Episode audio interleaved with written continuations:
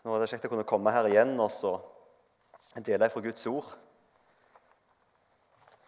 Så Jeg tror ikke det er vits at jeg begynner å presentere meg så mye mer sjøl. Jeg kan vel si bitte litt. Jeg bor nå fortsatt på Klepp stasjon og jobber som tømrer her i området. Eh, men før jeg sier noe mer, så, så kan jeg ta en liten bønn. Jesus, jeg takker deg for denne dagen, og jeg takker deg for alle som er samla her i kveld. Jeg vil legge stunden videre i dine hender. Og Jesus, du ser også hva hver enkelt her inne trenger i kveld. Og så ber jeg også om at du kan gi meg det jeg trenger når jeg skal dele for ditt ord. Og jeg ber om at du må åpne Skriftene for oss, så vi forstår det som står der. Amen. Når jeg har talt her tidligere, så har jeg vel de fleste gangene, eller kanskje alle gangene vært innom en tekst i Gamle Testamentet. Jeg har bl.a. vært en del innom historien om Abraham eh, eller Noah. Og I dag skal jeg òg litt innom historien om Abraham, men da mest om sønnen hans, Isak. Jeg skal ikke gå så veldig grundig inn på historien om Isak, men jeg skal snakke litt om han. Men til å begynne med nå, så skal jeg ta oss og lese fra Kolosserbrevet, også kapittel 3. Og Det skal jeg lese fra vers 1 til 7. Er det da oppreiste med Kristus, så søk det som er der oppe, der Kristus sitter ved Guds høyre hand. La hugen deres være vendt mot det som er der oppe, ikke mot det som er på jorda. De er da døde, og livet deres er løgnt med Kristus i Gud. Når Kristus, vårt liv, blir åpenbara, da skal det òg bli åpenbara i herligdom sammen med Han. Så la, la da de jordiske lemmene deres dø. Hor, uregnskap, syndig lidenskap, vond lyst og vinnesjuke, som er avgudsdyrking på grunn av disse ting kommer Guds vrede over de som er barn av vantrua. Mellom de, de ferdes det òg før, da det levde i disse ting. For min del synes jeg dette er noen veldig fine vers. Jeg skal komme litt mer inn på disse versene litt seinere i talen. Jeg skal ikke si så veldig mye mer om det nå, men legg merke til her at det står om noen som er barn av vantrua. Temaet for talen i dag det var løftets barn. Det fins altså òg noen som er løftets barn, og det fins noen som er barn av vantrua. Nå skal jeg ta oss og lese noen andre vers. Det står i Romerbrevet 9,8.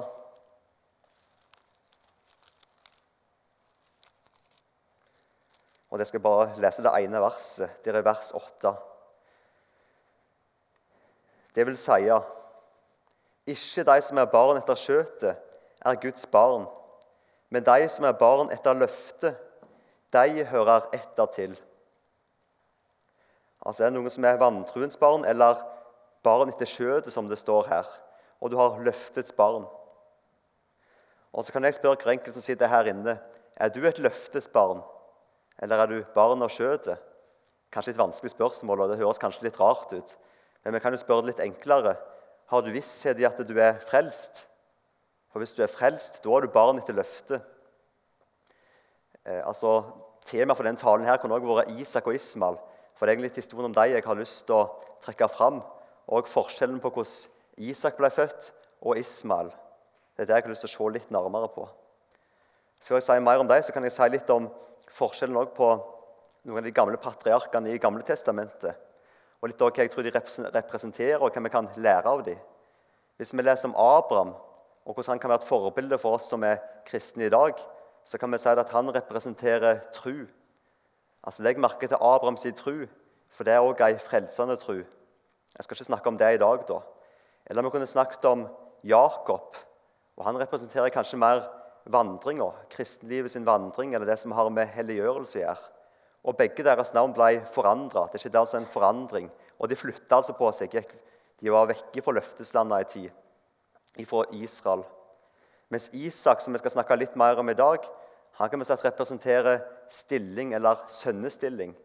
Hans navn ble aldri forandra, men han var der i den samme stillingen hele tida. Som sønn av Abraham, og han forlot aldri løfteslandet. Han var alltid i Kanan. Det kan vi legge merke til hvis vi leser om han. Og Han skal vi altså snakke om i dag.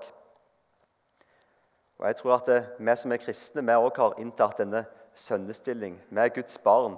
Vi løftes barn liksom Isak, som det også står om i Galaterbrevet. Men hvordan kan vi vite at vi er i den rette stilling? Hvordan kan vi vite at vi har denne sønnestilling sånn som Isak? Eller hvordan kan vi vite at vi er frelst? Jeg tror det går an å eie visshet i at vi er frelst. Frelsesvisshet, som kanskje noen av de gamle ofte snakket om. Og da har jeg lyst til å snakke litt om det ut ifra historien om Isak og Ismael og forskjellen på, på deres fødsler, hvordan de ble født. Så Da kan vi ta oss og lese litt ifra Galaterbrevet. Galaterbrevet kapittel 4.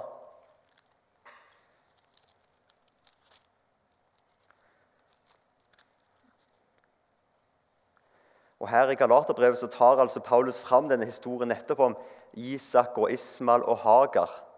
Og Så sier han også rett ut at det ligger en dypere mening i dette. Vi skal ta og lese om nå om dette her i Galaterbrevet 4, og skal jeg ta og lese derifra vers 22. Det står da at Abraham, det står da skrevet at Abraham hadde to sønner. En med trellkvinna og en med den frie kvinna. Sønnen til trellkvinna ble født etter skjøtet, men sønnen til den frie kvinna ble født pga. løftet. Det ligger dypere mening i dette. For, disse kvinnene er to pakter. Den ene er fra Sinai-berget, og hun føder barn til trelldom. Dette er Hagar. Vi kan stoppe der. Når det står om at den ene er fra Sinai-berget, så vil det altså si at det, altså, det er et bilde på loven. Altså Sinai-berget der israelsfolket fikk loven Eh, med Moses som gikk opp der. Hagar er berget Sina i Arabia, står det videre. Og Det tror jeg også betyr at Hagar også er et bilde på, på loven som Israel, israelsfolket altså fikk. Hagar er berget i Sinai og svarer til det Jerusalem som er nå. For det er, det er et trelldom med barna sine. Men det Jerusalem som er der oppe, det er fritt, og det er vår mor. For det står skrevet:" Gled deg, du barnlause, du som ikke føder Bryt ut i jubelrop, du som ikke har føderier. For den enslige kvinne har mange flere barn enn hun som har mannen. Men vi brødre er barn av løftet, liksom Isak. Men han som var født etter skjøtet, forfulgte han som var født etter ånden. Og slik er det nå òg. Men hva sier Skrifta? Driv ut, driv ut trellkvinner av sønnen hennes for sønnen til trellkvinna skal ikke arve sammen med sønnen til den frie kvinna. Så er vi da brødre, ikke barn av trellkvinna, men av den frie kvinna. Jeg skal ikke komme inn på alt det som vi har lest om her i dette stykket. her, og Det er kanskje nytt for en del òg, det som står her. Men uansett så, jeg, så tror jeg jeg vil ta og snakke litt om dette her med forskjellen på hvordan de ble født, Ismal og Isak. Og Først vil jeg snakke om Ismal. Hvordan var det egentlig Ismal ble født? Dere som kjenner historien, kjenner kanskje til at Abraham han fikk et løfte om at han skulle få en sønn og han skulle få en stor slekt etter seg. Men det så umulig ut for Abraham å få en sønn, for kona Sara hun hadde aldri kunnet fått unger. Og I tillegg så var de etter hvert langt opp i åra, så det var umulig egentlig. Og Det som skjedde da, det var jo at eh, de prøvde å ordne det sjøl. Og Abraham han gikk inn til Hagar, som var ja, trellkvinna der som, som var så Abraham og fikk altså sønnen Ismael med Hagar. Og På den måten så ble altså Ismael født. Og Her står det at Ismael han er altså barn etter skjøtet. Det vil si at Abraham og de prøvde å fikse Guds løfte på, på egen hånd. Og Så kan, vi, kan jeg kanskje stille et litt rart spørsmål. Tror dere det går an at det fins ismalitter i menigheten i dag? Vi kan vel kanskje si det på en annen måte. Kan det være folk som går i en menighet i dag, som går på møte ganske fast, men som egentlig ikke kjenner Jesus, ikke har fått se at de trenger Jesus, og ikke har søkt tilflukt hos han. Og Hvordan går det an i så fall? Jo, jeg tror Det kan skje på den måten der med at, eh, at du ikke har satt en lit til Jesus, men kanskje du har satt en lit til noe annet. Det kan være at vi har satt vår lite det at vi, vi går på møte så og så ofte, og livet vårt det ser kanskje ganske greit ut, iallfall for de som lever rundt oss. Og så tror vi at kristenlivet det handler om hvordan vi skal være på ulike vis. Og vi kan kanskje stå i tjeneste, og når vi ser at, vi, at, livet ser ganske greit ut, ja, da må vi være kristne, tenker vi. Hvis det er dette her vi har satt vår lit til, så blir vi ikke frelst av dette. Hvis vi har satt vår lit til noe annet enn Jesus, da er vi født etter skjødet, sånn som Ismael. Da er vi skjødets barn. Og det står òg det, sånn som vi leste her, at eh, han som har barn etter skjødet, han skal ikke arve sammen med sønnen til den frie kvinnen, altså med Isak. Det er kun løftesønnen som har arven i eie. Og det er kun i dag òg de som er barn etter løftet, som har evig liv i vente, og som er frelst.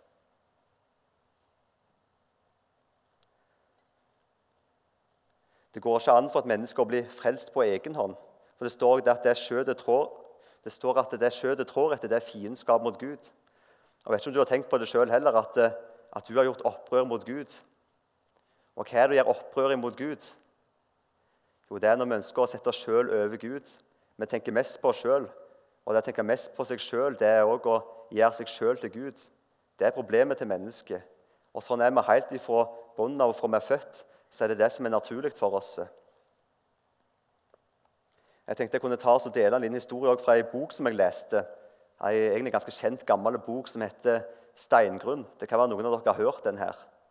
Og Det tenkte jeg også på litt i forhold til kampen imot synder. Jeg tror det finnes mange kristne i dag som strever veldig med dette her med, med hvordan skal jeg ta overvinne synder. Altså bli fri for disse vonde syndevanene. Og jeg tror Problemet til mange av oss er at vi vi strever med å kjempe imot utslag av synder. Vi prøver altså å forbedre oss, eller forbedre det gamle mennesket. Utslaget av det er det som vi legger mest merke til, det som kanskje andre rundt oss òg ser. Men så ser vi det vi ofte erfarer når vi bare kjemper imot dette her, og vi ber kanskje Gud om kraft til å vinne over dette her. Så merker vi, det, merker vi kanskje at nei, vi får ingen kraft. Og igjen og igjen så faller vi i den samme synden, og det går galt på ny igjen. Kanskje føler vi bare at det går verre. Da tror jeg kanskje at det er noen viktige ting vi ikke har fått øynene opp for. Og Jeg tenkte jeg kunne dele den historien som, jeg, som ble til hjelp for min egen del, og som jeg tror bringer litt lys over dette her. I den boka som, ja, Nå er det litt fritt fortalt, eh, men jeg skal fortelle sånn cirka, i hvert fall sånn som det står. Men det ble iallfall den boka fortalt om en, en mann som skulle ut og rydde eller lage til i hagen sin. Og Så begynte han å grave i hagen sin. Eh, og så oppdaget han at det var litt steiner han skulle rydde for stein. Men etter hvert mens han tok vekk stein på stein, så, så oppdaget han at det var bare flere steiner. Og jo lenger ned han gravde, jo, jo verre ble det egentlig bare. Og til slutt så nådde han steingrunn. Og han oppdaget at rundt under hele jordlaget der i hagen så var det egentlig bare steingrunn. Så det var egentlig umulig å gjøre det så mye bedre. Det så håpløst ut. Sånn er det òg med våre hjerter. Det er steingrunn. Og Derfor kan vi kun bli frelst og fordele det evige livet og vi blir født på ny. Blir født etter løftet, sånn som Isak. Vi kan ikke bli født etter skjøtet, for, for skjøtet det, det går Gud imot av naturen. Sånn er det bare. Og Da kommer vi litt videre til Isak, som vi skal snakke litt mer om. Hvordan Isak ble født. Og Da kan vi ta oss og lese litt fra Hebreerbrevet og kapittel 11.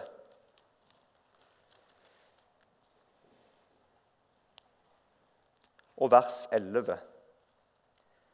Og Der står det om Sara, altså når hun òg fikk Isak. Ved tru fikk òg Sara kraft til å verte mor til ei ett, og det trass i hennes alder, for hun holdt henne for trufast som hadde gitt løftet. Derfor kom det også fra en og det fra en utlevd, ei ett så talrik som stjernene på himmelen, og som sanden ved havsens strand, som ikke kan telles. Altså, Isak han ble altså født ved at de trodde løftet. Sara trodde løftet, leste vi her. Og Vi kunne også lest om Abraham hvis vi hadde slått opp i første Mosebok. Så kan vi også lese at han også trodde på løftet, og at det ble regnet Abraham til rettferdighet. Det har da med Abrahams tro å gjøre. Men ble, altså, Isak han ble altså født ved at de hørte Guds ord om at de skulle få en sønn, og så trodde de dette, selv om det så håpløst ut. Og På den måten ble altså Isak født. Derfor står det at han er løftets barn.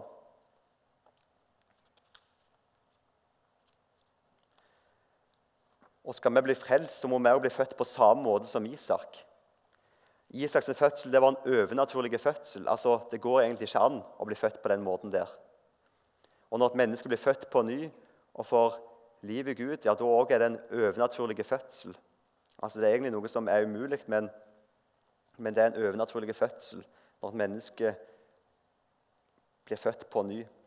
Eh, og For å lese litt mer om dette her, og hvordan det foregår, så vil jeg også ta og lese noen vers fra Jakobs brev og 1. Peters brev. Det er bare noen få enkle vers. Vi skal hoppe fort fra det ene til det andre. Først, først, først Jakobs brev, kapittel 1, og vers 18. Og Her står det til de som er kristne, og så står det her i vers 18 Etter sin vilje, altså N18 Etter sin vilje har han født oss ved sanningsord, altså ved sannhetsord, for at vi skal være førstegrød av hans skapninger. Altså vi er født ved, ved sannhetsord. Jeg skal ikke si så mye mer om det, men vi, skal, vi kan ta oss opp i 1. Peters brev N23. Og Her står det òg til de som er kristne. Der står det i vers 23.: For dere er gjenfødt, ikke av forgjengelig, men av uforgjengelig sæd, ved Guds ord som lever og blir værende. Altså, vi er gjenfødt ved Guds ord, som er den uforgjengelige sæd. Og så skal vi ta det siste verset, 2. Peters brev N4, som går også på litt av det samme. Vi kan egentlig ta det fra vers 3.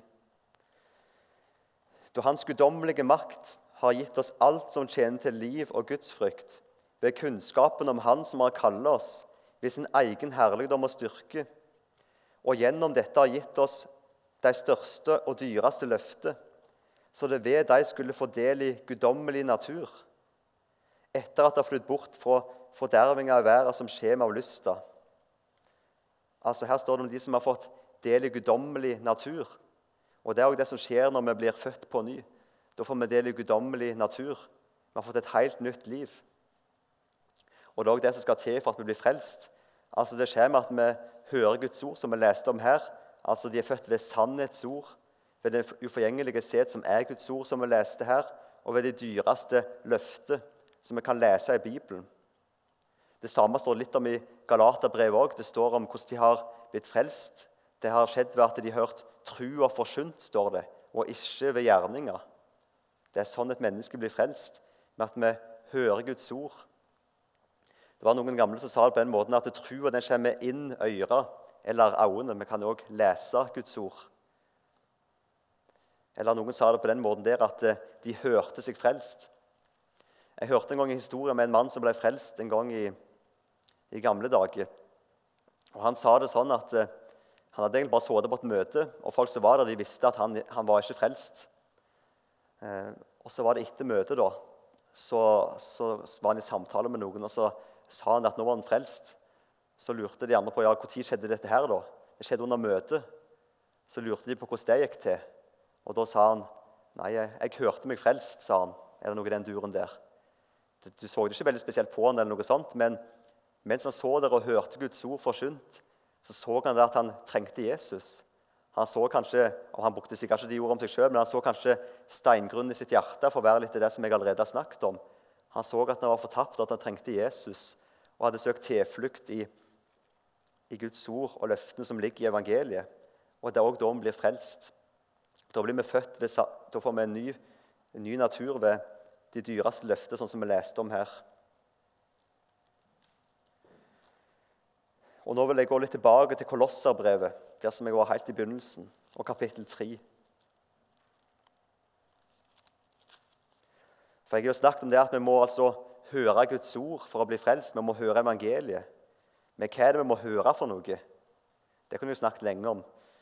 Jeg vil snakke om noe som kanskje har blitt eh, til hjelp for min egen del å øynene opp for. og Det er bl.a. noe av det som står her i Kolosserbrevet, kapittel 3. Og Der leste vi helt i begynnelsen Er det da oppreist med Kristus? Det står om noen som er oppreist med Kristus. Og det er jo nettopp de som er barn etter løftet, de som er frelst og har fått del i en ny natur. De er oppreist med Kristus. Så står det videre her. Så søk det som er der oppe, der Kristus sitter ved Guds høyre hand. Hvis det gjelder deg, så er ditt heimland òg i himmelen der oppe hjemme hos Jesus. La hugen deres være vendt mot det som er der oppe, ikke mot det som er på jorda. Og så er det et litt underlig vers her. Det står videre Det er da døde og livet deres er løgnt med Kristus i Gud. Det er da døde, står det. Hvis vi hadde lest i Romerbrevet 6, så står det at vårt gamle menneske det ble korsfesta med Kristus. Det står en annen plass at når en er død for alle, så er de alle døde. Og vi kan si det på den måten der at når du kanskje får deg det at når Jesus hang på korset, så var det ikke bare han som hang der, men da hang du der sammen med han. Du ble korsfesta med Jesus. Det vil altså si at eh, Gud han ble ferdig med de synd på Golgata. For han førte sin vrede og sin straff over all verdens synd, over de synd òg, på Jesus på korset. Derfor kan vi si det sånn at du døde med Jesus på korset. Så for oss som er kristne, så, så regner ikke lenger Gud med vår synd.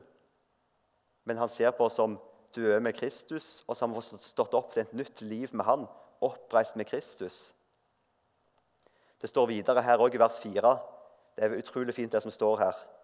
Når Kristus, vårt liv, står det, blir åpenbart. Det står det om Jesus som vårt liv. Og Det er noe som er sant for alle som ser at de trenger Jesus og har søkt tilflukt til han. Da har Jesus liv blitt vårt liv. Og Når Faderen da ser på oss, så ser han ikke vår synd, men han ser på oss i Jesus som om vi aldri har synda. Da står vi hellige og rene i Jesus. Og da har vi grunn til å være frimodige. Da kan vi glede oss i Han.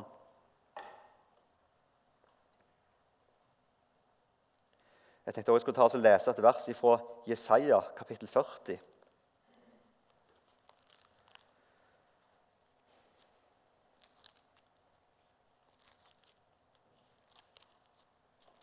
Og for vers 1.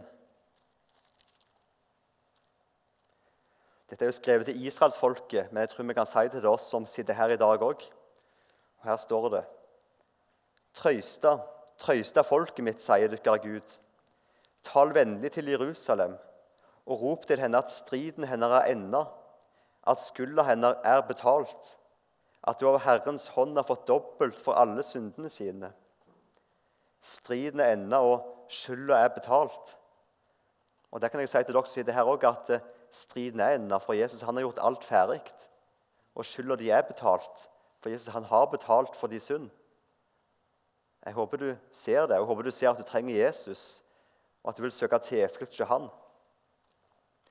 Jeg vet at Noen ganger før når jeg har vært her og snakket, så har jeg snakket litt om hva det vil si å tro. Jeg vet ikke om noen husker det, men jeg har snakket litt om dette her. For jeg sier av og til det, ja, du må søke tilflukt til Jesus. Eller vi hører at du må tro på Jesus for å bli frelst. Eller du må omvende deg, kan vi kanskje også høre at folk sier. Men hva vil det si å omvende seg, eller hva vil det si å tro? da? Jeg vet i fall selv at når jeg var yngre, så kunne jeg streve litt med hva det ville si å tro for noe. For da tenkte jeg at skal jeg være frelst, så må jeg tro nok. Og jeg må bli overbevist nok for å være sikker på at jeg er frelst. Skal jeg eie visshet i at jeg er frelst, så må jeg kjenne i meg sjøl at nå tror jeg mye. Ser dere den? Jeg tror vi har veldig lett for å tenke på den måten der. Men når jeg så sånn på min egen tro, så kjente jeg på uro. Da begynte jeg å lure av og til de dagene jeg ikke kjente at troa virka så sterke, eller hvis jeg kjente på tvilstanker, så lurte jeg på er jeg egentlig frelst da. Så husker jeg Det var en kveld jeg lå og tenkte på dette. her. Jeg husker ikke hvor gammel jeg var, men da kom jeg til å tenke på historien om når Jesus gikk på vannet, og Peter kom gående ut ham. Og Så står det der at Peter så på bølgene rundt seg og så begynte han å synke. Og så ropte han, 'Herre, frels meg.' Og Da står det at Jesus tok straks ut hånda og, og drog han opp igjen. Og Da husker jeg lå og tenkte for meg sjøl at jeg kanskje gjør annet enn å be med Peter, 'Herre, frels meg.' For jeg klarer heller ikke å tro sånn som jeg burde. Men det var kanskje da jeg begynte å innse litt at det, det er ikke min tro heller det står på. Jeg kan ikke sette min lit til min tro, for det frelser meg ikke. Jeg kan ikke sette min lit til noe som helst i meg sjøl, men kun Jesus og hans løfte.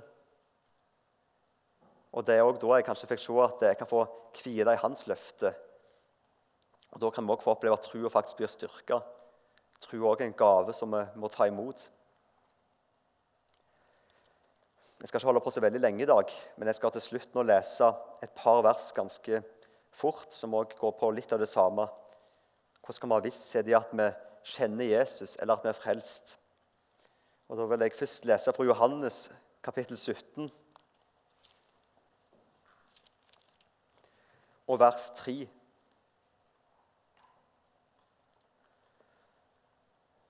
Og der står det Og dette er det evige livet, at jeg kjenner deg, den eneste sanne Gud, og Han du sendte, Jesus Kristus.